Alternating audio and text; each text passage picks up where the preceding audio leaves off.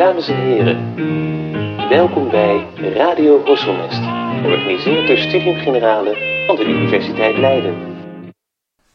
Beste luisteraars, welkom bij een nieuwe aflevering van Radio Horselnest. Ik ben Norbert Peters van Studium Generale en vandaag schrijft bij ons aan Caro Verbeek voor een gesprek over ons reukorgaan, de neus.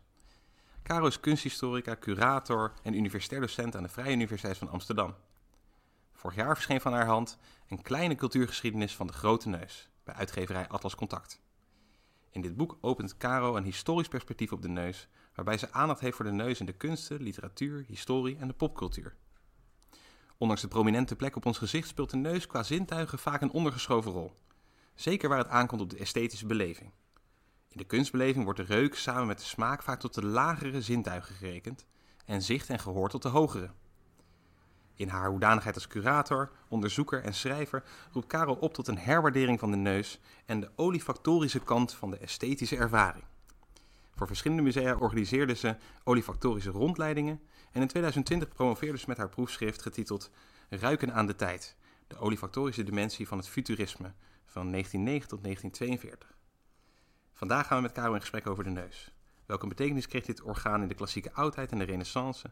Welke rol speelt de neus in de schilder- en beeldhouwkunst? En de rol van de neus in de moderne literatuur. We zijn erg blij dat ze bij ons wil aanschrijven voor een gesprek over neuzen. Karel, welkom. Leuk om hier te zijn. En dan misschien moet ik beginnen met, ja, wat ik zo ontzettend leuk vond aan jouw boek is dat, dan, heb je, dan lees je dat. En ik lette natuurlijk daarvoor ook helemaal niet zo heel erg gek veel op neuzen. Maar in één keer ga je allemaal uh, neuzen herkennen. En je gaat er toch steeds meer op letten. En ik, misschien is er een goede vraag van wat voor type neuzen hebben we allemaal? Als je dat toch een klein beetje zou kunnen klassificeren. Oh ja, die vraag krijg ik heel vaak sinds ik dit boek heb geschreven. En ik keek vooral naar historische neuzen. Uh, maar wat voor neuzen hebben we allemaal? Uh, je ziet dat door de tijd heen er telkens andere klassificatiesystemen zijn. Ja. Eentje die telkens weer terugkomt is een acrylijnen neus. Dus een, een neus met een hoek in de brug. En Oh, een ja. die ook telkens, maar telkens onder andere namen ook. Hè? De Syrische neus, de Jodenneus, de Romeinse neus. Dat zijn allemaal neuzen met zo'n hoek. Die hoek kan natuurlijk in het midden zitten, maar die kan ook meer bij de neuswortel zitten of verder onderaan. En een neustype wat ook vaak genoemd wordt, vooral met betrekking tot vrouwen, dat is de prinsessenneus, ook wel de celestial genoemd. En Oh, dat is juist een holle neusbrug. Die zie je natuurlijk bij Barbie. Nou, en dan volgens Da Vinci, die, die heeft niet echt termen voor neuzen, maar die heeft wel allemaal namen voor de onderdelen van de neus. En die kunnen alle vormen en afmetingen hebben. De neuswortel, de neustop, de neusvleugels, de neusbrug. En dan heb je natuurlijk het neustussenschot. En al die onderdelen van de neus, die hebben andere vormen Ja. en, en proporties en kleuren. Ja. Ja. ja, ik ken het bijvoorbeeld van Socrates is altijd van, die heeft volgens mij een knopneus, eh, wordt dat al genoemd. Je zou het knopneus kunnen noemen. En in het Engels in de 19e eeuw werd die neus een snub genoemd. Ja, dat is eigenlijk de ergste neus die je kon hebben. Ja, ja, daar zijn mensen ook niet positief over. Ook in de oudheid zijn ze al niet positief over de neus van, eh, over de neus van Socrates. Nee, dat was een groot probleem. En daar is zelfs eeuwenlang een debat over geweest. Omdat, en dat is ook een, een zoektocht in mijn boek, er een connectie werd geacht te zijn tussen de vorm van de neus en allerlei karaktereigenschappen. Ja, ja. Duizenden jaren lang. En die neus van Socrates, dus klein en met open neusgaten, een beetje naar boven wijzend, die kwam overeen met een wellusteling. Iemand die heel wellustig is, Oh, ja. iemand die niet al te slim is. Hoe kan dus de grootste filosoof aller tijden zo'n neus hebben? Als de neus de uitdrukking is van dat soort vaardigheden. Nou, daar is eeuwenlang over gedebatteerd. Ja, want dat noemen ze dan de, de, de fysiognomie, toch? Met een, met een, eh, met een, met een chic woord. Ja, En, en ja, wat, wat is dat inderdaad, de fysiognomie? Fysiognomie, ook wel gelaatkunde, dat is de leer, die zouden we nu pseudowetenschappelijk noemen, de leer van het lezen van het gelaat en de koppeling van allerlei kenmerken van het gelaat aan innerlijke vaardigheden, karaktereigenschappen. Ja, dus inderdaad eigenlijk, ja, eh, eigenlijk aan de uiterlijke kant kan je dan iets zeggen over de karaktereigenschappen van, van, van wie je voor je hebt. Ja, dat er een relatie zou zijn tussen het innerlijk en het uiterlijk, die Ja. er natuurlijk helemaal niet is. Maar toch hebben we heel veel vooroordelen. Als we iemand zien, denken we vaak te weten wat voor vlees we in de kuip hebben. En daar speelt dan die neus een belangrijke rol bij, bij ja, dat oordeel die neus vellen. speelt eigenlijk een enorm belangrijke rol. Ook eh, volgens de gelaatkundige Lavater is de neus toch wel het belangrijkste, omdat hij ook in het midden zit. Dat was een Zwitser, Lavater. En die had zelf een hele grote neus met precies de goede hoek, precies puntig genoeg, precies het eh, juiste, de juiste afmeting tussen neus en bovenlip. Dat speelde ook allemaal nog Oh, een rol. ja, ja, ja. En hij valt natuurlijk ontzettend op binnen het gezicht. Het is ook een van de weinige gezichtsonderdelen die, die je in de verte al kan onderscheiden van de rest van het gezicht. Eh, hij staat inderdaad in het midden en je hebt een enorme variëteit. Dus daarom kun je hem ook heel goed lezen. Het is veel moeilijker om wangen te lezen of monden te lezen, omdat er iets minder variëteit eh, binnen is. Ja, ja, ja. En je zei inderdaad, het speelt al heel lang een rol. Je noemt het ook, je hebt bijvoorbeeld inderdaad in, in de, en dan zitten we denk ik in de late renaissance met Gian Battista della Porta. Die, die schrijft dan op een gegeven moment een boek en dat is heel veel van die platen ook uit dat boek over die menselijke fysiognomie zijn ook heel beroemd geworden. En vooral ook dat die, dat vond ik zo bijzonder, bijzonder dat, ze, dat hij dan eh, de gelaten van mensen naast dieren afbeeldt. Ja, dat was ook een. ehm, dat begon met Aristoteles. eh, een manier om karaktereigenschappen te koppelen aan uiterlijke kenmerken van de mens. Met het idee dat er een soort van universele gelaatstrekken waren onder alle dieren en mensen. Ja. die op een eigenschap konden duiden. Dus bijvoorbeeld, een leeuw is moedig. Een leeuw heeft lange poten. Dus een mens met lange benen is moedig. Ja, precies. Ja, Dat soort redeneringen. dat soort redeneringen. en dan een leeuw is dan natuurlijk ook een voornaam eh, dier of zo'n heraldisch dier. eh. Ja, dus daar wil je misschien ook wel op lijken, maar je wilde bijvoorbeeld niet lijken op een varken. Socrates had in feite een soort varkensneus. Maar Della Porta die kwam toch met een, een oplossing voor dat eeuwenoude vraagstuk over hoe kon het dat die filosoof zo'n neus had. Nou, hij had eigenlijk een hertenneus. Een hert heeft natuurlijk ook van die neusgaten waar je Ja. in kan kijken. En een hert is, kan heel bronstig zijn en verliest dan zijn verstand, maar is doorgaans toch ook heel verstandig. Dus dat was de oplossing. Socrates had geen varkensneus, maar een hertenneus. Oh, grappig, ja. ja, ja. En, dan, en wat waren dan nog meer dieren waar je wel op zou willen lijken? Ik kan me bijvoorbeeld voorstellen, een, een adelaar of zo zou natuurlijk een, eh, Ja, een typisch dier zijn wat dan... eh, absoluut een adelaar. En ik zie vaak ook nog wel mensen hoor, die ik op adelaren vind lijken. Eh, maar iemand die adelaarstrekken had, dat was Dante Alighieri. oh ja. Tenminste, zijn portret laat dat zien. Zijn dodenmasker laat dat zien. Heel aquilijne trekken. Prachtig woord vind ik dat om een neus mee te omschrijven. Dat is ook inderdaad Aquila, is natuurlijk ook, betekent ook adelaar. Dat toch? is adelaar, ja. ja. Dat betekent een, een lange neus, vrij smal, met een hoek erin die boven het midden zit. Maar wat ook heel belangrijk is bij de adelaarsneus, de aquilijne neus, is dat het puntje naar beneden wijst. Dus niet iedereen met een hoek in de neus heeft een aquilijne neus, omdat Ja. het puntje niet naar beneden wijst. En dat duidde bij Dante in ieder geval op zijn schrijverskwaliteiten. En eeuwenlang werden schrijvers dan ook afgebeeld met zo'n Danteske neus om te laten zien dat ze een talent hadden voor het schrijversvak. Ja, ja, ja. Misschien toch ook inderdaad, misschien ook verbonden met het zicht of zo. Of met Ja. inderdaad het goed kunnen kijken, het goed kunnen... Ja, een ziener. horen. Ja, ziener Ja. en dan ook verwoorden. Ja, Ja, Maar observeren. bijvoorbeeld ook een hond of zo. Wil je daar dan op lijken? Is dat, was dat een, een, een, een, dier waar, waar men graag mee vergeleken werd? Of... Ja, ik denk niet dat het als heel positief werd gezien. Als je dus zo'n zo'n eh, hondachtig gezicht had. Omdat je dan ook het gedrag van een hond zou vertonen. Ik denk niet dat dat als beschaafd werd gezien. Nee, nee, nee, nee, Nee. nee, precies. Weet zelfs dat er een plaat bij hem erin zit van iemand die met een, een neushoorn zelfs wordt vergeleken. Een of andere tegenstander van, of iemand Oh, die, die in ieder geval niet graag mocht. Oké. Dan zie je inderdaad de, de, de neushoorn van Dürer zie je dan daarnaast afgebeeld. Maar dan dacht ik ook van, dat is wel heel, dat is ook al heel gemeen of zo. Om iemands gezicht daarmee te, mee te vergelijken. Maar die fysiognomie werd dus eigenlijk, je zei al, van, het wordt dus bij Aristoteles dus eigenlijk degene die dat introduceerde, de- de- deze gedachte. Of in ieder geval Die het op schrift stelde. op schrift stelde. Ja, Ja, want het was al iets wat, wat, wat langer bekend was, een volkswijsheid die hij inderdaad op schrift stelde, als, als ware het een, een, echt een harde wetenschap. Ja. En dat werkt dan eigenlijk nog heel lang door. Want je, nou, je noemt al net die Lavater, of als ik het goed zeg.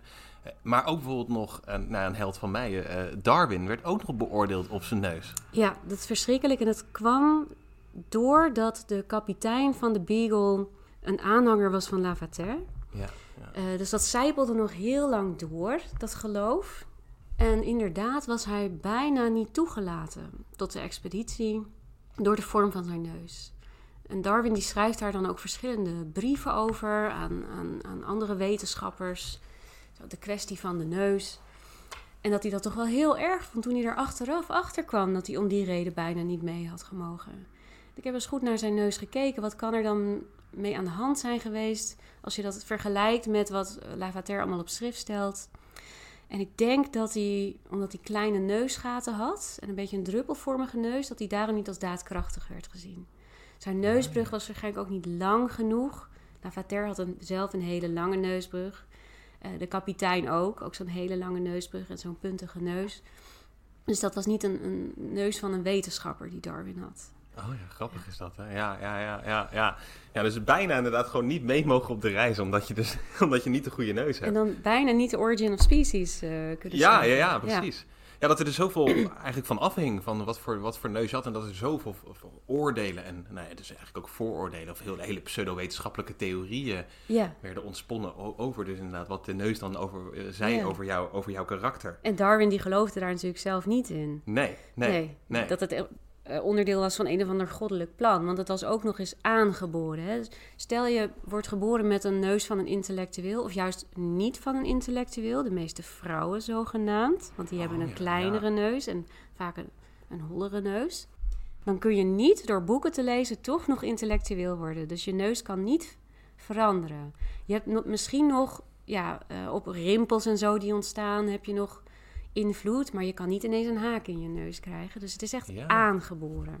Ja, dus het is ook heel deterministisch eigenlijk gedacht. Ja. Echt van, eh, nou ja, je hebt zo'n neus, nou dan wordt het dus niks wordt meer, wordt nooit meer wat of zo. Dan word je in ieder geval geen groot politiek leider en dat soort dingen en zo. En je noemde inderdaad ook al even, uh, dus de vrouwelijke neus dan in, in, in, en je noemt ook een, een, een, dichteres uit de, uit de renaissance. Ik ben even haar naam, Laura. Laura Battiferri. Ja.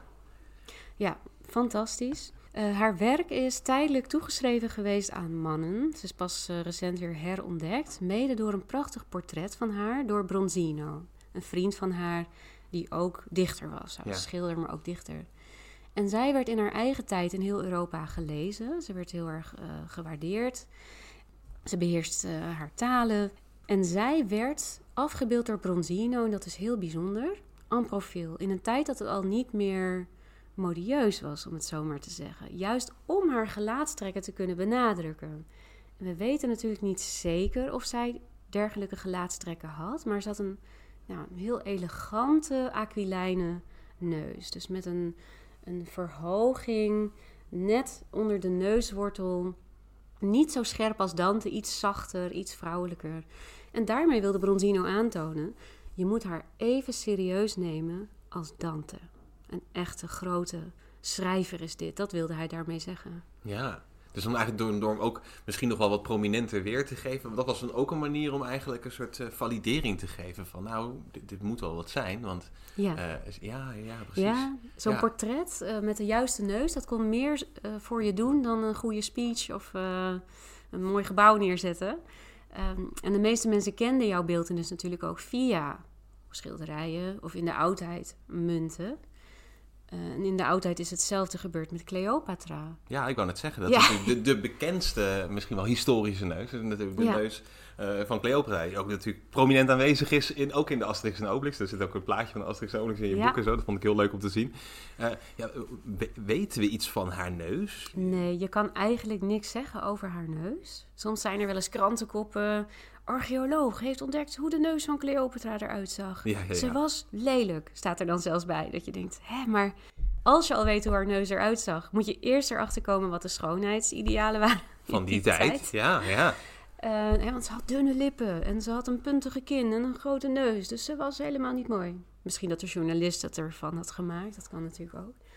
Maar in die tijd had je gewoon een iconografie voor een leider. En een leider die moest een dan wel grote neus hebben of een goede haak erin. Om aan te tonen, vooral bij Cleopatra, die een vrouw was en, en een leider, politiek leider, uh, die moest nog veel meer bewijzen. Dus dan was het, ja, gaf het nog meer status, nog meer vertrouwen als je dan werd afgebeeld met een haakneus. En dat gebeurde veel op munten. Ja, ja, ja, maar eigenlijk is het dus heel slecht te zeggen of dat daadwerkelijk... Dus mogelijk is dat inderdaad ook weer een manier om eigenlijk haar macht te legitimeren... of een soort legitimatie daarvan te geven. Dat ze zegt, nou, ze heeft, ze heeft zo'n neus, die hoort bij een goed leider... Dus dan, dan, dan, dan, is, dan is ze dat ook. Dan Niet omdat ze, ze gewoon heel goed was in het leiden van een land. Ja, want ze was natuurlijk ook heel creatief en heel vernuftig en heel welbespraakt. Ja, ja, ja, ja. Ja, maar dat was wel ongelooflijk belangrijk. En je kon er zelfs last van hebben als je een leider was zonder leidersneus. Dan kon wel eens jouw leiderschap betwijfeld worden. En dat Oh, is bijvoorbeeld gebeurd bij Lorenzo de Medici, Ja. een leider in Florence. Speelt ook mooi in, in jouw boek komt hij ook terug inderdaad. Ja, ja. en die had een wat, eh ja, volgens mij gebroken neus toch? Had hij, of, eh, of nou ja, niet een maar in ieder geval wat schuine. Het zou kunnen dat hij ooit gebroken is geweest. Dat is heel moeilijk te zeggen, want je kan ook, het kan ook eh, erfelijk zijn als je neus scheef staat. En dan hoeven je ouders niet een scheve neus voor te hebben gehad. Oh ja. Maar hij klonk ook vrij nasaal. En als je kijkt naar zijn dodenmasker, dan zie je inderdaad dat zijn neus scheef staat en wat plat is. Dus ik denk dat zijn neustussenschot, dat dat veroorzaakt heeft dat hij zo'n nasale stem had. En ook dat mensen niet helemaal vertrouwden dat hij een echte grote leider was. Omdat hij, ja, zijn neus was veel te plat. En het valt heel erg op dat hij in, op portretten, bijvoorbeeld door Vasari, dan juist een hele puntige, een hele lange puntige neus heeft. Ja, ja, En dat was ja. eigenlijk een van de redenen dat ik dit boek wilde schrijven. Toen ik dat verschil zag, dacht ik: hier is iets aan de hand. Mensen wilden vroeger geportretteerd worden met een grotere neus dan ze hadden. En in het heden is het schoonheidsideaal, vooral bij vrouwen, juist een kleinere neus. Ja. En die discrepantie, dat vond ik heel fascinerend. Ja. Ja, want dat is een van, dat is een van de mo- mooiste boodschappen denk ik ook van het boek. Dat, het dat je ook juist iets ziet van die, ja, die fluiditeit of die veranderingen daar door de tijd heen. Van ja, wat is, wat is een ideale neus? En dat Ja. wij misschien nu vanuit onze blik, wat jij al zegt, weet je, dat zo'n nieuwsreporter zegt van oh, ze was eigenlijk dit lelijk. Ja, dat is heel erg vanuit misschien de moderne blik bezien dan. eh, en natuurlijk ook eigen oordeel nog, eh, hangt daar ook nog aan vast. Maar dat je net ziet dat door de tijd heen, dat er eigenlijk juist heel erg anders werd nagedacht over Ja. wat de betekenis was van een neus en wat een mooie neus was. Ja, ja, ik, Ja. Vind dat, ik vind dat prachtig. En ook in dezelfde tijd had je ook verschillende normen hoor, voor neuzen, Oh, ja, afhankelijk van eens. welke klasse je je in bevond. Dus zelfs in de 19e eeuw, toen Eden Warwick schreef eh, zijn boekje Notes on Noses, over hoe de vrouwelijke neus eruit moest zien, oftewel whole, celestial, schreef hij er wel bij, een koningin mag wel een grote neus hebben of een haakneus, want dat past bij haar beroep. En in de oudheid werden boerenmeisjes met kleine neuzen bezongen om hun schoonheid. Maar een patricische vrouw, als je die mooi wilde vinden en respect voor haar wilde hebben, moest zij wel weer zo'n grote neus hebben.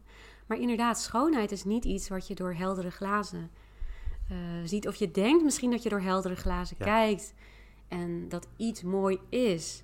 Maar iets, eh, ja, het schoonheidsideaal wordt sterk gedreven door culturele omstandigheden. Ja, Ja. ja, ja. En dan heb je ook natuurlijk, want je besteedt inderdaad ook best wel wat aandacht aan, aan de renaissance. Je hebt ook zelf rondleidingen gegeven in Florence. Ja, heb ik uit je boek toch? Ja, wil je daar ook nog iets over vertellen? Dat is eigenlijk misschien wel heel leuk, ook een beetje als, als zijpad. Maar Ja. waar, waar gaf jij rondleidingen en wat, wat, wat, wat ging je dan bekijken? Eh, ja, want ik heb Italiaans gestudeerd, gestudeerd en kunstgeschiedenis, ook in Florence. En ik werd verliefd op die stad, dus ik, eh, ik wilde daar werken. Ik ben daar rondleidingen gaan geven. En nou, Palazzo Vecchio, Palazzo Pitti, eh Uffizi. En door de hele stad, die hele stad is een openluchtmuseum ja, ja, ja, natuurlijk. ja, zeker. David van Michelangelo, nou, een kopie daarvan, dan die staat er buiten. En, en daar kwam ik ook wel eens in een van mijn favoriete wijken, Santo Spirito. Echt een beetje de Jordaan, wat de Jordaan is voor Amsterdam. Ik weet niet of Leiden ook zo'n soort wijk heeft. Ja, dat is een goede vraag. Niet, nee, niet echt, denk ik. Niet nee, echt, nee, niet echt in Jordaan, denk Niet ik. echt in Nou, Jordaan. ja, ja. En daar, daar ging ik dan vaak zitten op de trappen van de kerk. En ehm, nou, wat, wat praten en drinken met vrienden. En dan zag ik heel vaak een man. En die had dan een papieren zak bij zich. Daar zat denk ik een fles alcohol in. En hij leek als twee druppels water op het dodenmasker van Lorenzo de Medici. En ik dacht, goh, zou dat nou hè, misschien een van de nazaten zijn van Lorenzo de Medici? Het kan maar zo. Of ja, in ieder geval had hij precies datzelfde type gezicht. En ja, hij zag eruit alsof hij niet zoveel te besteden had als ehm, Lorenzo. Nee. Eh, maar hij had ook die, ja, een beetje zo'n platte neus. Toch wel, ja, een vrij grote platte neus. Een beetje scheef en een beetje een centenbak. Dat had Lorenzo de Medici ook al een heel klein beetje. Dus dat die, die onderkaak zo'n beetje naar voren Ja. Kwam. Ik weet dus niks over zijn karakter. Ik ging niet zijn gezicht lezen op basis van eh, de fysiognomie. Maar ja, dat, dat, dan heb je een beetje zo'n historische sensatie. Het idee dat uh, ja, nazaten van die, die, die grote mensen uit de geschiedenis daar misschien nog wel eens rond zouden kunnen lopen. Ja, dat het toch inderdaad een soort uh, familietrekje, een soort genetische eigenschap is, die dan toch nog mogelijk is voor, ja, overgedragen ja. uh, van familie op familie. Inderdaad, dat, dat er toch nog ergens inderdaad een, een paar me medici nakomelingen rondloopt die misschien zelf niet meer weten, maar die dan wel nog Ja. inderdaad zo'n vergelijkbare Honderden jaren later. En in mijn eigen familie is dat ook het geval. En daar gaat het in ieder geval vier generaties terug. Dat is natuurlijk lang niet zo lang als terug tot eh, de tijd van de renaissance. Ja. En daar wordt ons type neus eh, de buurmannenneus genoemd. En dat is naar de achternaam van mijn eh, opa, en van mijn moeder en mijn overgrootvader. En er was zelfs een gezegde. ehm, je hebt buurmannenneuzen en je hebt snotneuzen. En als je wat te zeuren hebt over die buurmannenneus, dan ben je maar een snotneus.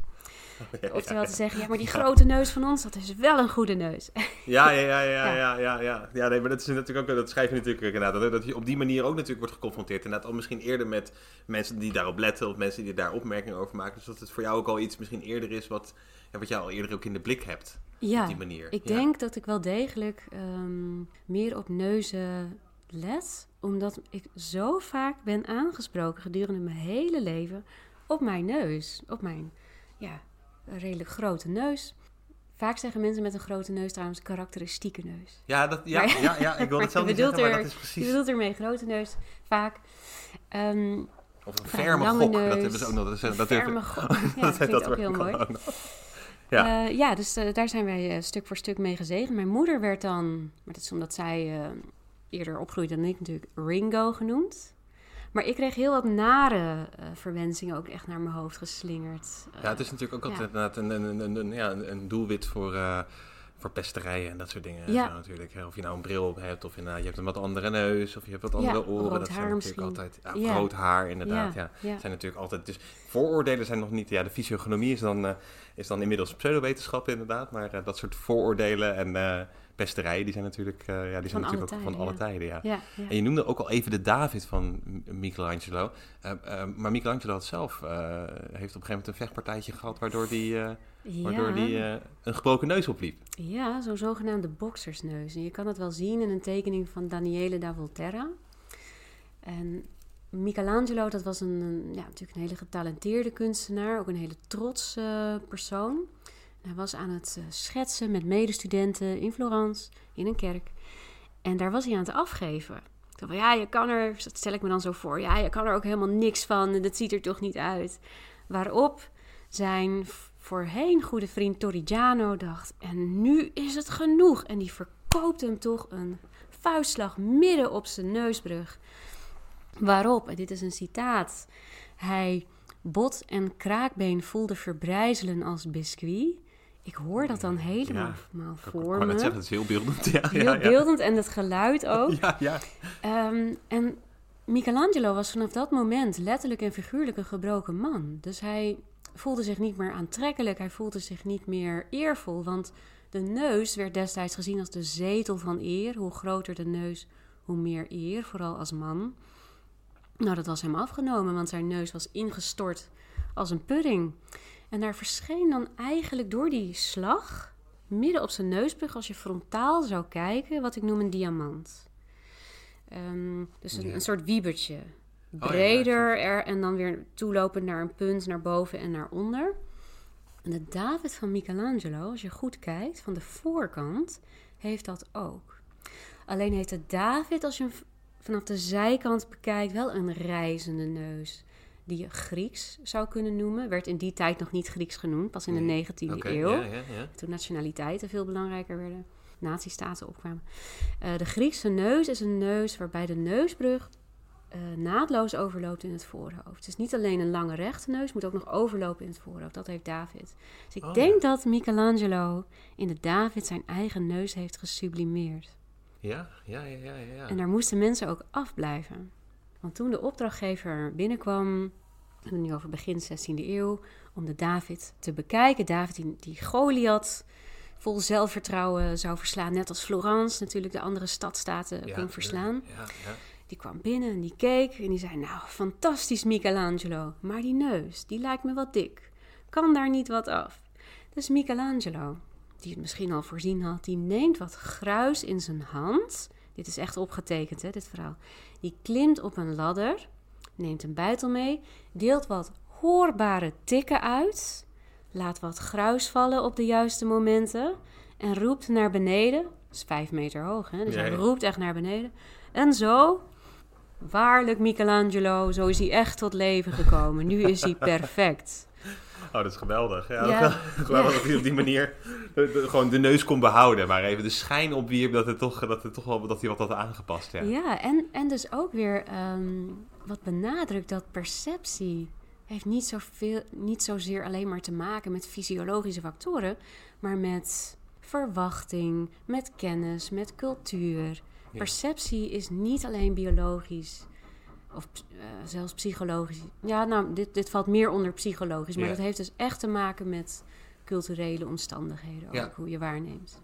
Ja, nee, zeker. En een andere, een andere hele belangrijke rol natuurlijk in jouw boek is dat niet alleen dat we een, een, een neus als, als, als orgaan, als reukorgaan, maar natuurlijk ook inderdaad wat er wordt geroken. En Mhm. het belang van eh, eh, parfums. En daar kwam ook alweer een andere nou, bekende renaissance eh, Italiaanse natuurgeleerde en, en trouwens ook kunstenaar, Leonardo da Vinci.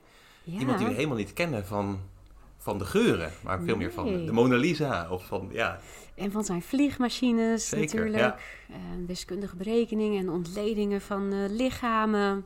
En al die aantekeningen die hij daarover maakte. Maar ook inderdaad parfumeur. Dus hij bestudeerde planten en hun geurstoffen. Hij bestudeerde hoe je die geurstoffen kon onttrekken aan Mhm. planten. Hij maakte een tweedeling in parfums.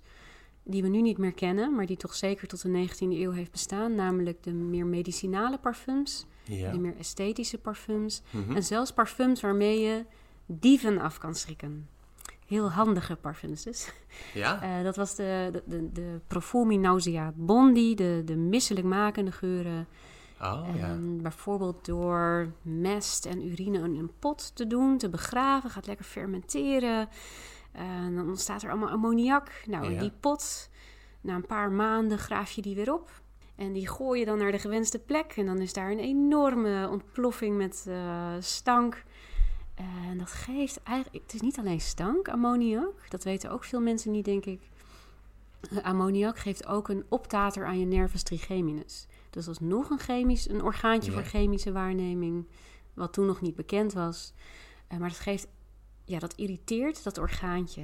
En Oh. daarom eh, wordt, zit ook in reukzout en wordt ook aan boksers gegeven die weer bij zinnen moeten komen, omdat je even zo'n klap krijgt Oh, op die ja, nervus ja, trigeminus. ja, ja. Maar het kan echt pijnlijk Waar, zijn. waar zit dat dan? Zit dat wel in de neus? helemaal achter, eh, helemaal, ja, wel vlakbij ehm, het begin van.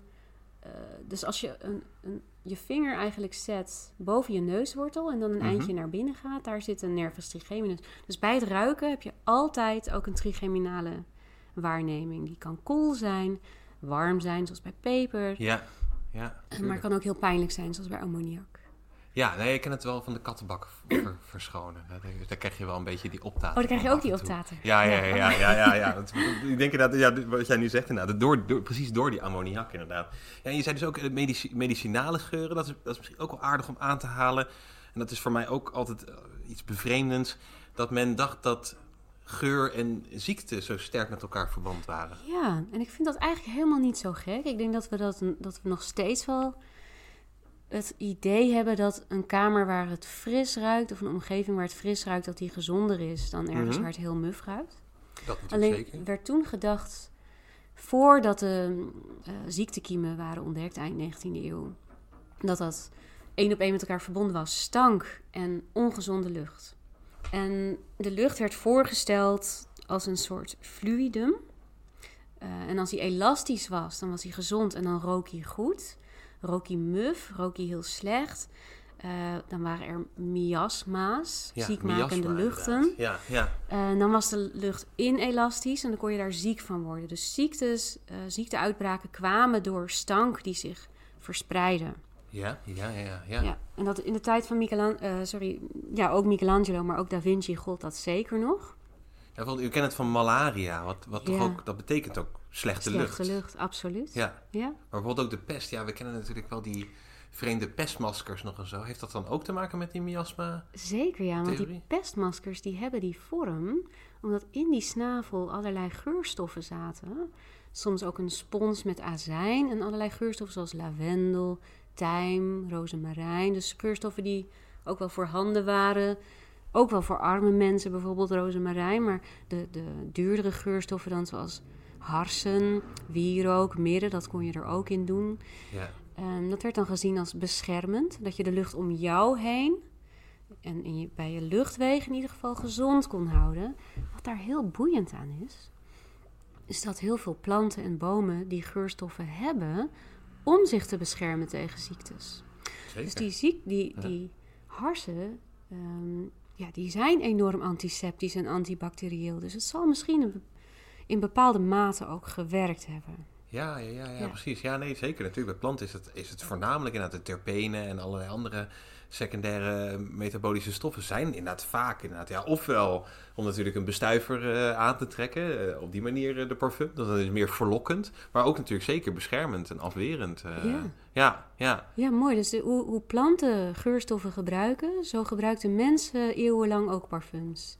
Of ziektes weren, of juist ehm, nou, een offer doen aan de goden. Dus Ja. dan was het iets heel positiefs. Of want dat schijnt ook, hè, dat is, dat is ook, parfum is ook... eh, toch, eh, ja, ja, in het Latijn is het volgens mij, ja, het heeft in ieder geval te maken met een brandoffer. Ja, met een reukoffer. Met een, ja, Wat je doet middels rook, oftewel perfumum. Dus ja. de eerste parfumeurs waren priesters, mogelijk Egyptische priesters. Ik denk dat het nog wel ouder is. Maar het bekendste samengestelde parfum was kifi. En dat werd dagelijks, honderden jaren lang, door de Egyptenaren gebrand voor de goden.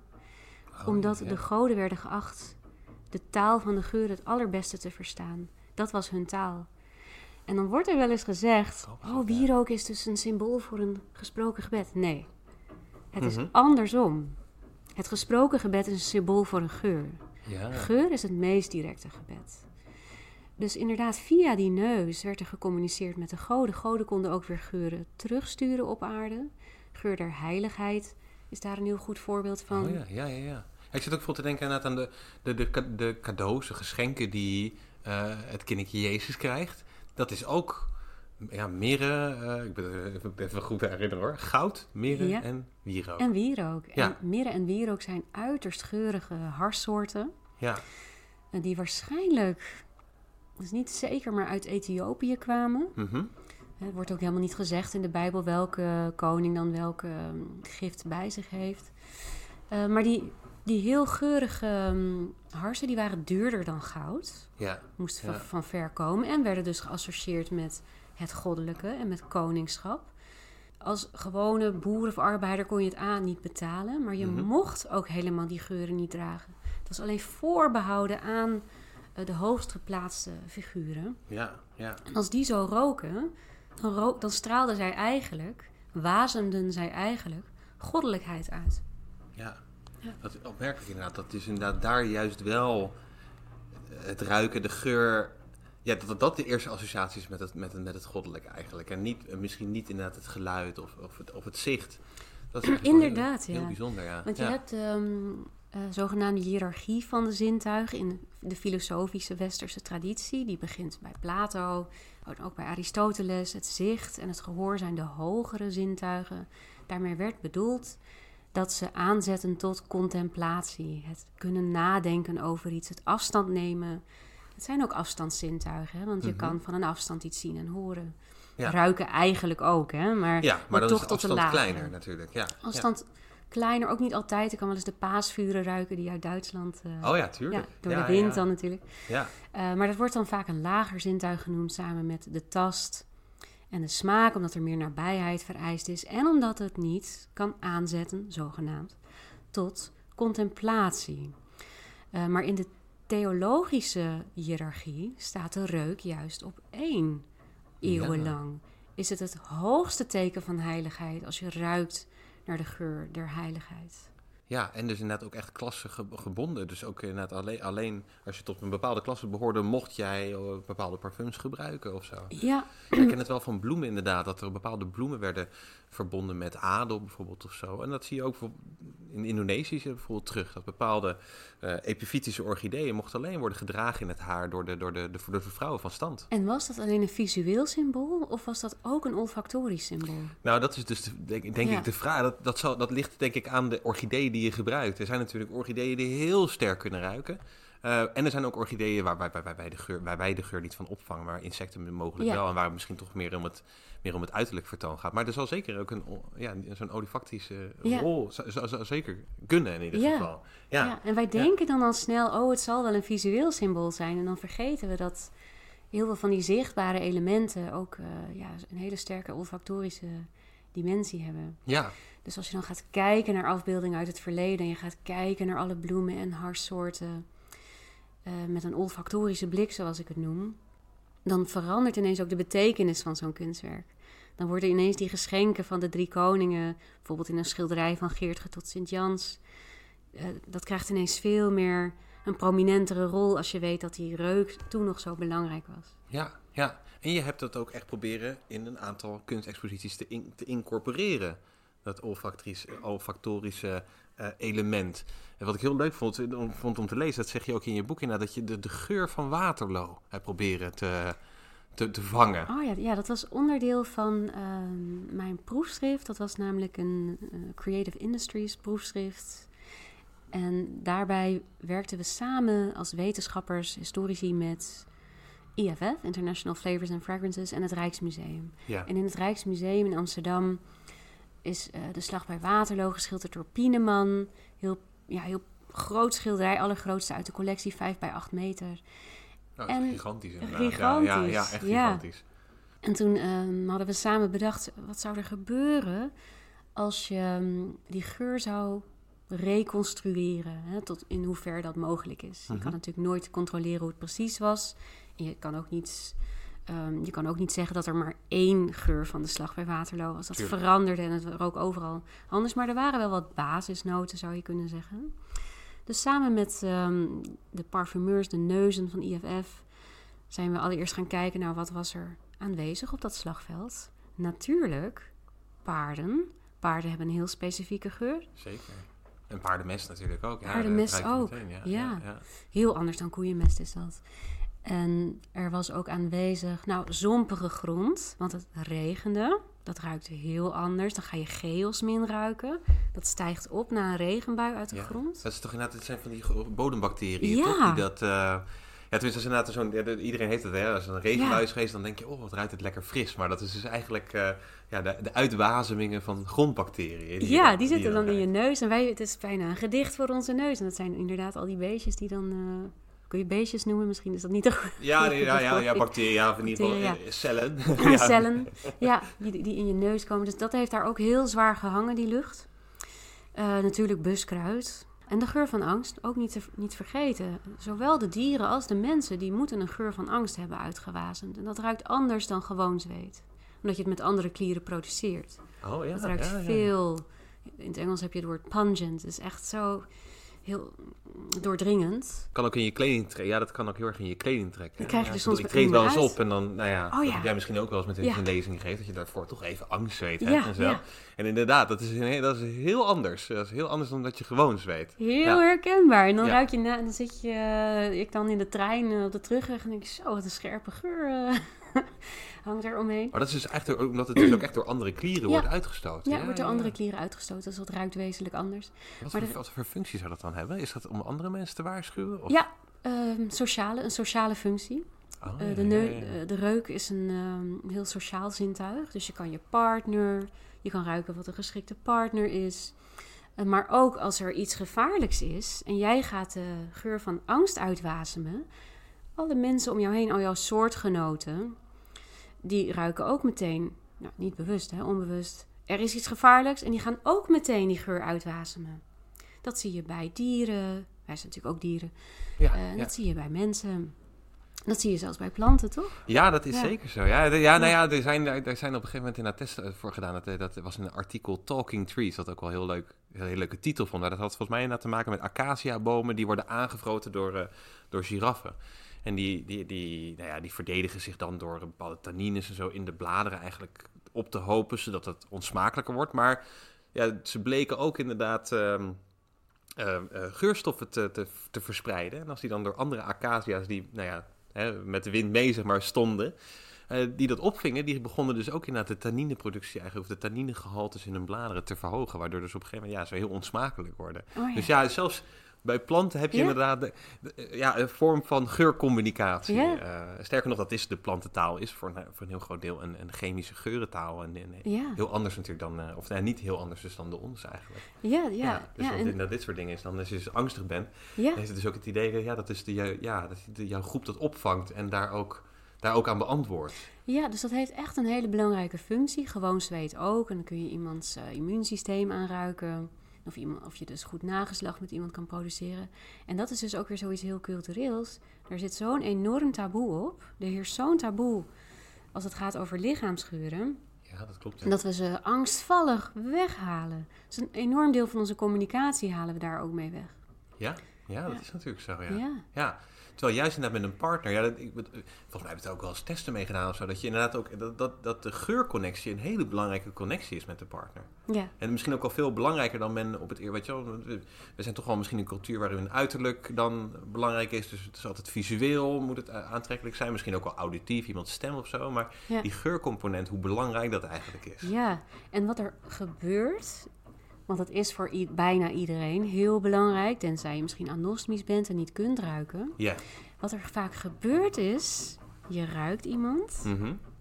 en je hoofd zegt, wat is die persoon knap, visueel. Grappig is dat, hè? Dus je Ja. gaat dat vertalen naar dingen die je kan beredeneren. Je gaat die geur niet zo beredeneren. Ja. Dus ik, eh, heel vaak wordt er gedacht, ja, maar we hebben toch helemaal niet meer zo'n goede reuk. Is toch weggeëvolueerd, we gebruiken dat toch helemaal niet. We kunnen er ook niet over praten, er zijn geen woorden. Maakt helemaal niet uit. Nee. Het effect is er toch wel. Ja. We, we kunnen ontzettend goed ruiken als mens, nog steeds. We vangen voortdurend signalen op. We laten ons voortdurend leiden door de neus, alleen we hebben het niet door. Ja. En misschien nog even terugkomt inderdaad op die Waterloo. Dus Ja. jullie hadden dus inderdaad... Jullie hebben eigenlijk dat geurenpalet wat daar hing... Hè, nou ja, de- voor zover je dat inderdaad natuurlijk kan reconstrueren... hebben jullie hebben gereconstrueerd. En wat was dan de bedoeling? Dat mensen die zaal binnenkomen... en dat jullie dat eh, als het ware hè, aan het verspreiden waren, die geur? Of, of hoe ging dat? Eh, we hebben een ehm, test gedaan. Dus hè, het was niet alleen het doel om de geur van de slag bij Waterloo te maken, maar om te kijken wat doet het met mensen als ze kijken en ruiken tegelijk. Ja. Dus er wa- was een soort nulmeting. Er was een groep die dezelfde rondleiding deed zonder geuren en een groep die het deed met geuren. Hebben we geobserveerd, we hebben mensen vragenlijsten laten invullen. En wat blijkt nou? Mensen voelen zich veel meer eh, geëngageerd als ze ook ruiken terwijl ze kijken. Ze, ze omschreven dat ze in het schilderij stapten. Dat eh, de slag bij Waterloo om hen heen was. Oh, je, kan ja, natuurlijk ja. Niet je kan natuurlijk niet weten hoe het was, maar het gevoel ontstond. Ja, Eh, mensen gingen op andere details letten. Omdat dus die, die natte grond ruikbaar is, gingen mensen meer naar de lucht en de grond kijken. Omdat er ehm, een beetje de geur van brand in zit en ehm, eh, gunpowder. Ja, ja, buskruid. Buskruid. Ja, Gingen mensen ineens naar details in de achtergrond kijken waar vuurtjes branden. Eh, omdat er angstzweet in zit, of een interpretatie van angstzweet, gingen mensen meer kijken naar de gezichtsuitdrukkingen.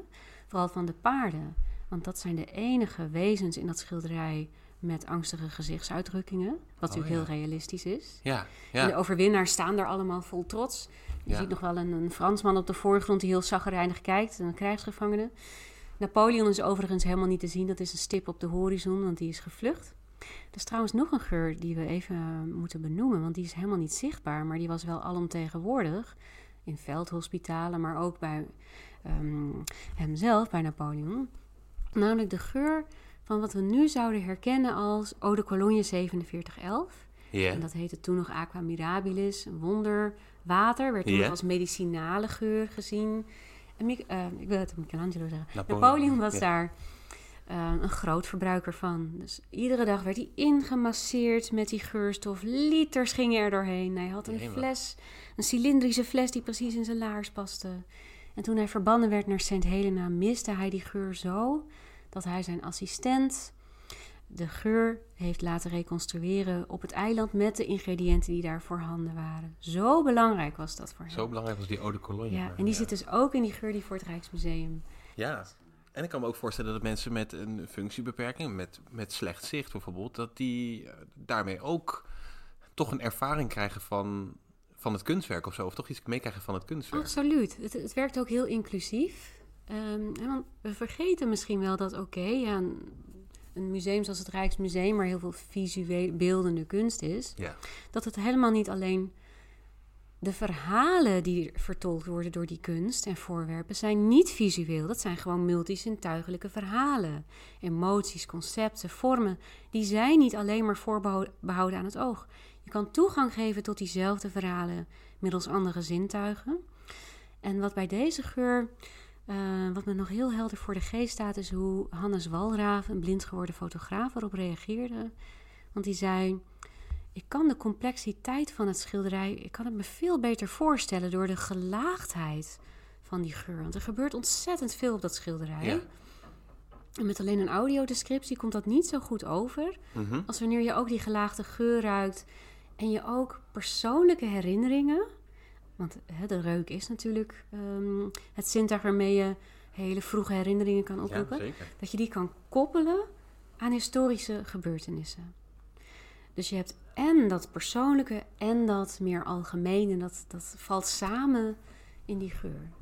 Ik heb bijna een soort, ik zit bijna te denken, ik heb bijna een soort totaalimpressie of zo. Van, ik bedoel, het is natuurlijk altijd een benadering. Ja, Maar, maar, maar niettemin denk je inderdaad van ja, het is eigenlijk zo opmerkelijk inderdaad dat dat, dat, dat geuraspect. Want inderdaad, wat je zegt, het is natuurlijk gewoon echt visueel. Zo'n museum is kijken. Mhm. Eh, ehm, en kijken doe je met je ogen, hè, dat je dan altijd eh, vroeger te horen kreeg, en niet met je handen.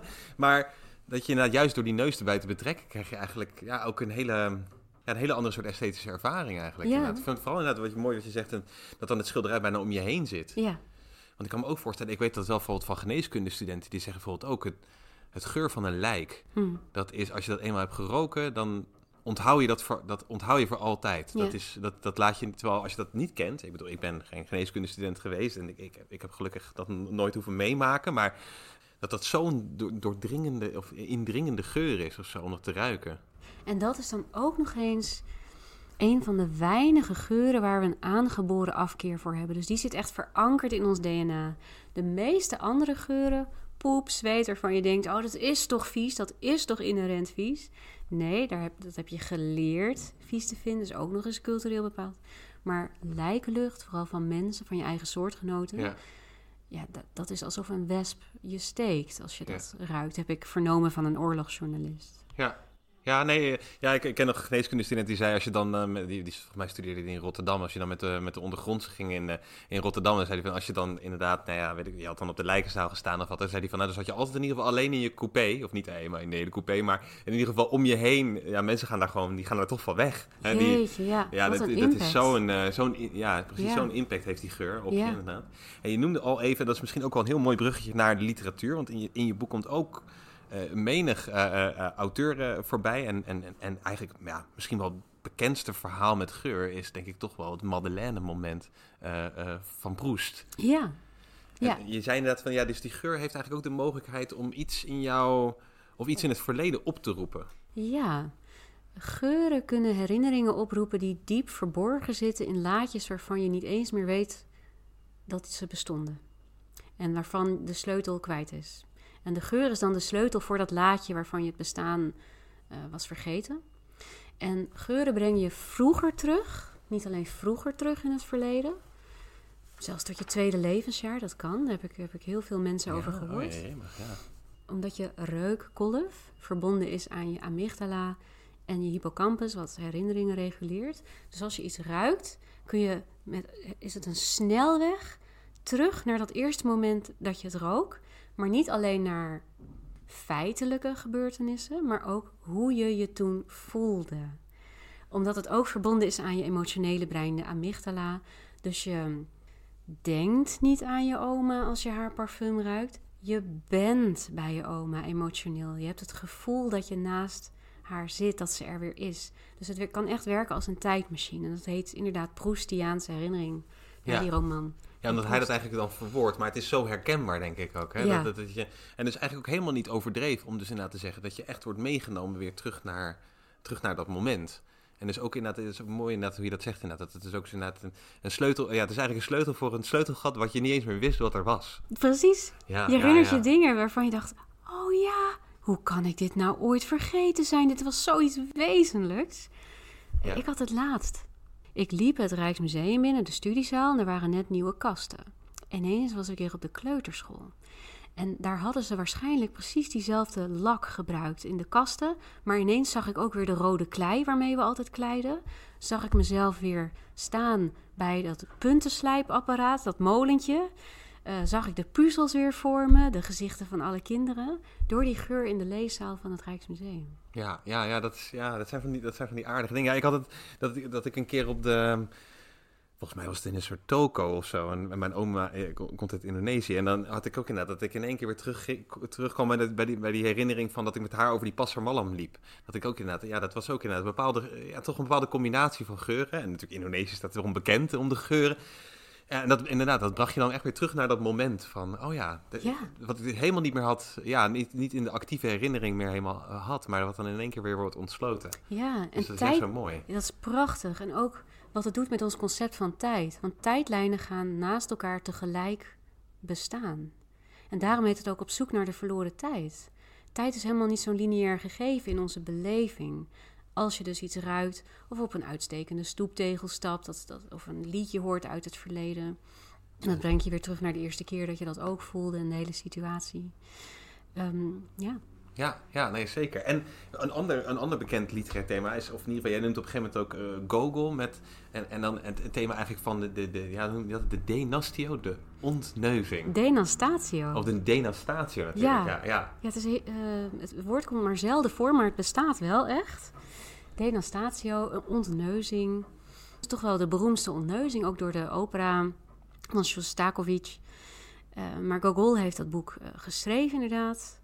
Dat gaat over een kapper die een broodje geserveerd krijgt. Komt net uit de oven. Hij maakt het open en daar ziet hij een puntgave neus.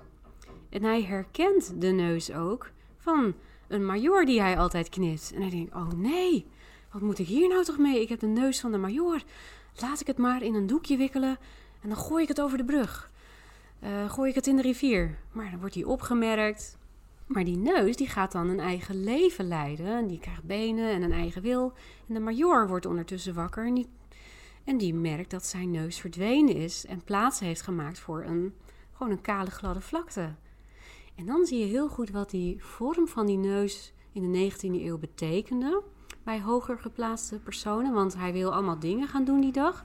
Vrouwen versieren, uh, gaan solliciteren op een baan, maar ook genieten van pruimtabak kan allemaal niet meer. Hij wordt nergens meer serieus genomen, omdat hij zijn prachtige, ferme neus kwijt is. En die neus wil met geen mogelijkheid terugkomen.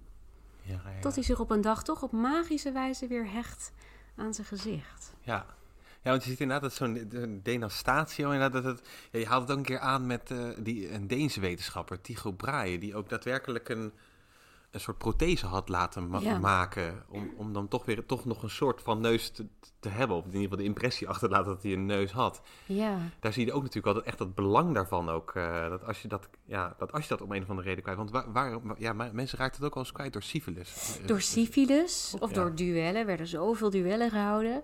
En Tycho oh, Brahe, ja, ja, ja, werd er weer eens een neus afgeschoten. Daarom is de plastische chirurgie van de neus ook al zo oud. Ook al honderden jaren oud. Um, maar die Denastatio, uh, Tycho Brahe, dat was eigenlijk net zo'n verhaal als bij Michelangelo. Hij was ook heel trots, dus hij kreeg ook ruzie. Zijn neus werd ook um, uh, ernstig beschadigd. En hij had dan een, uh, verschillende protheses van metaal. Als je, syfilis, als je neus verdween door syfilis, had je ook vaak zo'n metalen prothese. Die hing dan onder een brilletje met gekleurde glazen. Omdat oh, ja. je ook geen, niet zoveel licht meer in je ogen kon verdragen. Maar hij kon dus niet meer, hij was wel van hoge kom af. Hij kon niet meer trouwen met iemand van hoge kom af door zijn neusloosheid. Dat was er niet meer bij. Ja, moet je nagaan. Ja. Zo'n impact heeft dat eigenlijk op. Ja. Uh, ja, en je had ook. Eh, klopt dat dat je in, de, in Denemarken ook die nasotheek had? Die soort neus. Ja, in Kopenhagen. Ja. Uh, is in de, de Glyptotheek, dus de beeldengalerij. Daar is een nasotheek, ja. En daar worden de neuzen bewaard van de klassieke beelden, niet de originele neuzen, mhm. maar de neuzen die gemaakt zijn voor de neusloze beelden. Oh, grappig, ja. Ja, ja, ja. Want het valt nog, natuurlijk nog wel eens... Oh, ja, de Sphinx is natuurlijk het bekendste voorbeeld, maar dat valt natuurlijk nog wel eens af. Dat steekt natuurlijk ook het, Omdat het zo uitsteekt, is het heel kwetsbaar. En werden heel veel beelden bewust ontneust. Of om ze in vergetelheid te doen geraken. Omdat het zo'n kenmerkend gezichtskenmerk, omdat het zo'n ja, kenmerkend onderdeel van het gezicht is, werd dat er gewoon afgehakt. eh, om je te onteren. Of het viel en ja, dan is die neus het eerste wat er afvalt. Dus er waren heel veel neusloze beelden. Er werd gedacht, nou dan gaan we toch een campagne doen waarbij we allemaal nieuwe neuzen maken. En die werden aan die beelden bevestigd. Maar er later met nieuwe inzichten over authenticiteit toch weer afgehaald. Ja, Maar dan kun je je ook afvragen, maar wat staat nou ja, bij authenticiteit? Is dan het originele materiaal het belangrijkst? Of lijkt toch niet een beeld met een gereconstrueerde neus meer op het origineel dan die zonder neus? Je kan er allemaal vragen over stellen. Maar in ieder geval worden die neuzen zelfstandig in de nasotheek tentoongesteld. En dat is natuurlijk een prachtig gezicht. ja. ja dat, is, dat is ook wel iets bizars inderdaad. Want ik, ik weet nog wel dat, dat je op een gegeven moment had je dat in het uh, Allerpiersel Museum, wat je volgens mij een tentoonstelling waar ze dan uh, uh, Griekse beelden op basis van studies hadden ze, hadden ze bevestigd dat, dat dat eigenlijk vaak beschilderde beelden waren. Wij kennen dat vooral als mooie wit-marmeren beelden, maar dat zijn eigenlijk over het algemeen beschilderde beelden. En toen kreeg het ook iets heel, een beetje, een beetje potsierlijks of zo. Hè? Ja. Dat je dan, dat, je ziet toch al dat dat, dat, dat marmeren klassieke beeld heeft ook in onze esthetische beleving alweer een hele eigen plek eigenlijk ingenomen. Ja, ja. en dan dat- teruggaan naar ja. het origineel is dan ook bijna ja, bevreemdend of zo. eh. Ja, dat is, dat is een hele eh, interessante opmerking. Omdat authenticiteit vaak meer heeft te maken met een beeld dat wij hebben... ja. dan hoe het werkelijk was. En dat was ook met de Sixtijnse kapel toen die schoongemaakt werd. Eh, hè, de, de schilderingen van Michelangelo. Dat het eigenlijk een soort pastel, vrolijke pastelkleuren werden. Nou, dat wilden we toch ook helemaal niet? Dat was veel te frivol. Ja, ja, ja, je, ja, je wil inderdaad bijna dat soort dat en dat inderdaad al dat het enigszins eh, Ja, ja, ja, ja. ja, verweerd, verweerd lijkt. Terwijl dat origineel niet was. Ja, ja, ja, ja, ja, ja, nee, mooi, mooi is dat. En misschien, misschien nog ook als, ja, tenminste, een andere bekende neus eh, eh, uit de literatuur, de Pinocchio. ja, Ook inderdaad, ik vond het bijvoorbeeld wel aardig om te lezen dat je zei, inderdaad, ja, het is van pijnboomhout, daarom heet hij Pinocchio. ja. Dat had ik helemaal niet zo gerealiseerd, maar dat is Ja. natuurlijk, ja, dat is natuurlijk, natuurlijk logisch. Hij is van hout gemaakt, maar ik had nooit gerealiseerd, oh, dat is natuurlijk inderdaad van, van een soort naaldhout. eh. ja, ja, ja. Pino. Pino is eh, pijnboom. Daar is hij van gemaakt. En die, en die groeiende neus, ik had er nooit zo bij stilgestaan. Maar dat heeft ook alles te maken met die fysiognomie. En de schrijver Collodi, die heeft zelfs ooit gesteld dat de neus is niet alleen een uitdrukking van karakter, maar een weerspiegeling van de ziel zelf. De ziel wordt uitgedrukt in die neus. Dus Pinocchio, die nog geen echte jongen heeft, zijn neus, die blijft maar groeien en, en slinken. Want zijn persoonlijkheid, zijn ziel, hij heeft geen ziel. Dat staat nog niet vast. Op het moment dat hij wel een ziel heeft, wordt zijn neus alleen nog maar op die manier uitgedrukt. Op één manier. Dat is de uitdrukking Oh, van zijn ziel. Opmerkelijk, ja, want inderdaad, van Disney leren we natuurlijk van, hé, dat heeft te maken met het liegen, en dan wordt hij steeds groter en groter en groter. Ja, Maar dit is natuurlijk veel, ja, op, ja, dit is veel begrijpelijker in de zin van, inderdaad, het is, als het een weerspiegel, als die nog onbezield is, ja, dan, dan staat dat dus nog niet vast, dan is dat tijd in beweging. ja. Ja, Ja. ja, ja. En, en ook wel met die, ehm, hè, dat, dat hij liegt, dat staat ervoor, ja, hij heeft nog niet echt een, een gevormd karakter. Hij houdt zich op met slecht gezelschap en hij liegt inderdaad. En dan groeit die neus en dat is dan ook een uitdrukking van zijn slechte karakter. Eh, maar het gaat in feite dus over die ja, uitdrukking van zijn ziel. Ja, maar op het moment dat het dus een jongetje wordt, of op het moment dat het, het menselijke, Ja, menselijk wordt, dan, staat, dan is er vanaf dat moment is de neus staat vast. die neus vast. Grappig, ja. Ja, en dan misschien is het nog leuk om te eindigen met ook nog een Nederlandse auteur. Eh, Wat ik gewoon echt is zo een bizar verhaal, wat van Belkampo. Over de- Oh ja, fantastisch. Ja, Ja. ver- ver- vertel, dat is, eh, dat is zeker eentje die we nog moeten hebben. Van Belcampo. Ehm, Met de binasaliteit, toch? Dat Oh, is, het mooiste woord wat ik ooit heb gehoord, binasaliteit. De hoofdpersoon eh, van dit boek, van dit verhaal, die heeft twee schitterende neuzen. Perfect symmetrisch, zoals de torens van de Notre Dame, wordt erbij gezegd. Liefdesverbijstering heet het verhaal. Eh, maar zij kan daardoor maar geen levensgezel vinden. Want het stoot toch af. Hoe mooi ze ook zijn, ze is nooit verkouden. Ze kan heel goed ruiken. Het zijn twee prachtige neuzen. Eh, dus dan gaat ze langs allerlei experts en dan gaat ze vragen of zij niet toch een soort haar kunnen bevestigen in haar binasaliteit dat het toch iets goeds is. Dan gaat ze eerst bij een theoloog langs en die zegt: Nee, u bent een, anomalie en ehm, dat is duivels. Nou, dan gaat ze snel weg en dan komt ze bij een, uh, een botanist of een bioloog. En die zegt, hé, hey, wat interessant. Ik wil weten of dit evolutionair is. Dus je zou eigenlijk je moeten voortplanten. Dan kan ik kijken of jouw kind dat ook zou hebben. Maar ja, ze heeft geen partner, dus dat lukt niet. Een plastisch chirurg die stelt dan nog voor om de tussenschotten van beide neuzen tot de twee externe, tot de flanken van één middelste nieuwe neus te maken. Ja, En dan vraagt ze, maar zou u me dan aantrekkelijk vinden? Zou die ene neus even mooi zijn als één van mijn beide neuzen? Nee, zegt hij. Nou, ze gaat niet bij de pakken neerzitten. Ze gaat naar het Stedelijk Museum.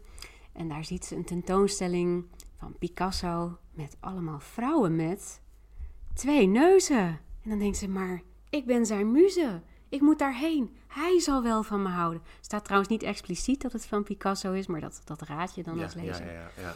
En dan gaat ze daarheen. En ze stapt het atelier binnen en ze denkt, nou, nu word ik met open armen ontvangen. Maar ze krijgt een verfpot naar haar hoofd. Want Picasso denkt, of die, die fictieve kunstenaar, maar wacht eens even. Ik schilder niet de realiteit na. Dat, dat is niet de bedoeling. Ik, ben, ik abstraheer de realiteit. De realiteit imiteert mij. Ik imiteer niet de realiteit, dus nou, snel ook weer weg. Maar dan komt ze, en dat is zo prachtig gedaan door Belcampo, de schrijver van het verhaal tegen. Oftewel Belcampo, die meteen verliefd op haar wordt en er komt nageslacht. En daaruit kun je ook de conclusie trekken of ja, gaat het eigenlijk ook over zelfliefde van Belcampo. Want hij wordt verliefd op zijn eigen schepping en hij staat wel open voor het abnormale of... Uh, ja, ja, het afwijkende. Het afwijkende, ja. Ja, ja, ja, ja. ik vond het ook zo'n mooi verhaal. Inderdaad. Mooi om te zien inderdaad. En als je er ook over gaat nadenken, denk je, ja, ook in die literatuur is die, speelt die neus geen onbelangrijke, onbelangrijke rol. Absoluut niet. In de 19e eeuw, de 20e eeuw, dan gaat het telkens over identiteit en het gevoel van zelf. En de discrepantie tussen hoe de buitenwereld ons ziet en hoe wij onszelf zien. En ik denk dat de mens daar al vanaf het ja, begin van, van hè, dat we bewustzijn hebben zich mee bezighoudt. Je kan niet weten hoe anderen jou zien, maar je wil uit alle macht eruit zien, uitdrukking geven met je uiterlijk aan wie jij voelt dat je bent. Ja. En daar komt denk ik ook die fysiognomie vandaan. En we doen het ook nog steeds. We beoordelen mensen op een uiterlijk. We veranderen ons uiterlijk massaal om maar zo over te komen als we denken, hè, om, om, in overeenstemming te zijn met ons innerlijk. Maar wat is dat eigenlijk? Ja. Kan dat wel? En, en, en verandert dat niet weer in de tijd? En uh, wat nu een mooie neus is, is misschien over 100 jaar geen, geen mooie neus. Ja. Als, als Darwin schrijft over de emoties uh, en, en de gelaatsuitdrukkingen bij, bij dieren en bij mensen, merk je ook dat het is natuurlijk wel zo dat wij ontzettend veel spieren in ons gezicht hebben. En dat gezichten voor ons zo betekenisvol zijn, dat we daar zoveel aan aflezen al, dat het inderdaad misschien niet gek is om te denken dat je ook iets kan aflezen aan die neus. Ja. Maar dat het voor ons, omdat het gewoon komt omdat we zo ontzettend sociale soort zijn, dat het voor ons van levensbelang is om te weten, met maar een kleine, hè, een kleine trilling in het gezicht kan al heel, ja, kan al iets vertellen aan ons. Hè? Dat, Ja. Je hebt ook als mensen ontmoet of zo. Mensen zeggen dat ook wel eens, dat, je, van, dat, dat ze een oordeel hebben binnen, binnen no time. Hè? Ja. Zonder nog, nog gepraat hebben. Dat, Ja. soms ook hele kleine gelaatsuitdrukkingen of kleine, ja, ik kan me voorstellen, een soort spierstuiptrekkingjes of zo, al, al iets vertellen. Al, al, al zorgen voor, oh, dit vind ik een fijn persoon, dit vind ik geen fijn persoon. Ja, en in die zin vind ik het extra boeiend dat nou juist die neus als zo'n belangrijk fysiognomisch kenmerk werd gezien. Want daar zitten nou juist niet heel veel spieren Nee. die je kan, eh, Nee, precies. Ja. Ehm, die je kan aanspannen. Wel bij de ogen en bij de mond, maar die neus is vrij statisch. Je ziet bij sommige mensen wel rimpels zo bij de flanken. En het schijnt ook dat de neus van Napoleon, als hij praatte, bewoog. Dat dat Ja, topje ja. van die neus zo heen en weer ging. Dat zie je wel eens. Maar Ja, sommige mensen kunnen ook die neusvleugels op een of andere manier Oh, bewegen. ja. Ik kan dat niet. Nee, ik maar kan ik het bedoel, ook. eh, Je hebt gelijk, natuurlijk wel dat als iemand snuift of zo, dan krijg je natuurlijk wel dat hij dan... eh, Oh, of ja. iemand boos wordt, dan krijg je volgens mij wel dat hij jou... Je, ik denk waarschijnlijk voor meer toestroom van, van, van, van zuurstof. Ik zou, het niet, ik zou het niet zo 100% zeker weten. Maar het is wel interessant inderdaad om te zien dat wij... Omdat we zo'n sociale soort zijn, dat in die evolutie ook het gezicht en de gelaatsuitdrukkingen zo van belang zijn geworden. En dan zie je inderdaad dat zo'n fysiognomie die ja, eigenlijk dat veel te ver doortrekt... en nou hele gekke conclusies aan verbindt en zo. En hetzelfde geldt natuurlijk met geuren ook. Dat geuren veroorzaken dan misschien wel geen ziekte, maar iets rottends ruiken dat is toch wel heel van heel groot belang. Als je Zeker. iets in je mond steekt, dan Ja, is de neus eigenlijk eh, hè, het De voorportaal. ja. ja, ja, de poortwachter inderdaad. Ja, je moet eerst absoluut. goed ruiken. ja, Of als je verkouden bent en je neemt iets met...